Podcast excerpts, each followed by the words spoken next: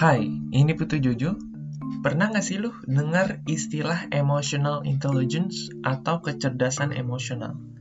Apa sih sebenarnya definisi dari kecerdasan emosional? Menurut literatur Petritz tahun 2017, kecerdasan emosional merupakan serangkaian atribut mengenai cara orang memandang, mengekspresikan, memahami, dan mengelola emosi mereka sendiri maupun emosi orang lain. Menurut literatur Salovey dan Mayer tahun 1990, kecerdasan emosional terdiri dari empat komponen. Yang pertama yaitu membaca emosi. Membaca emosi maksudnya apa?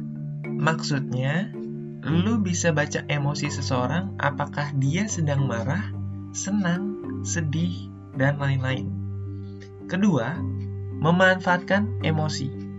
Pada dasarnya, Emosi memicu kita untuk berpikir untuk melakukan sesuatu. Misalnya, lu takut kena virus, ketakutan tersebut membuat lu berpikir bahwa mencuci tangan sebelum makan itu penting. Atau bisa jadi emosi dapat membantu lu untuk membuat karya seni. Ketiga, memahami emosi. Sebenarnya, suatu emosi itu mengandung informasi di belakangnya Misalnya, kemarahan menunjukkan keinginan untuk menyerang atau menyakiti orang lain, ketakutan menunjukkan keinginan untuk melarikan diri, dan sebagainya. Penting bagi lo untuk mengidentifikasi maksud dan potensi perilaku akibat dari munculnya suatu emosi. Keempat, mengelola emosi.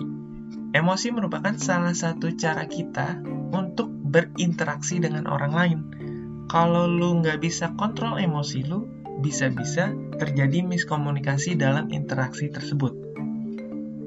Itulah penjelasan singkat mengenai kecerdasan emosional.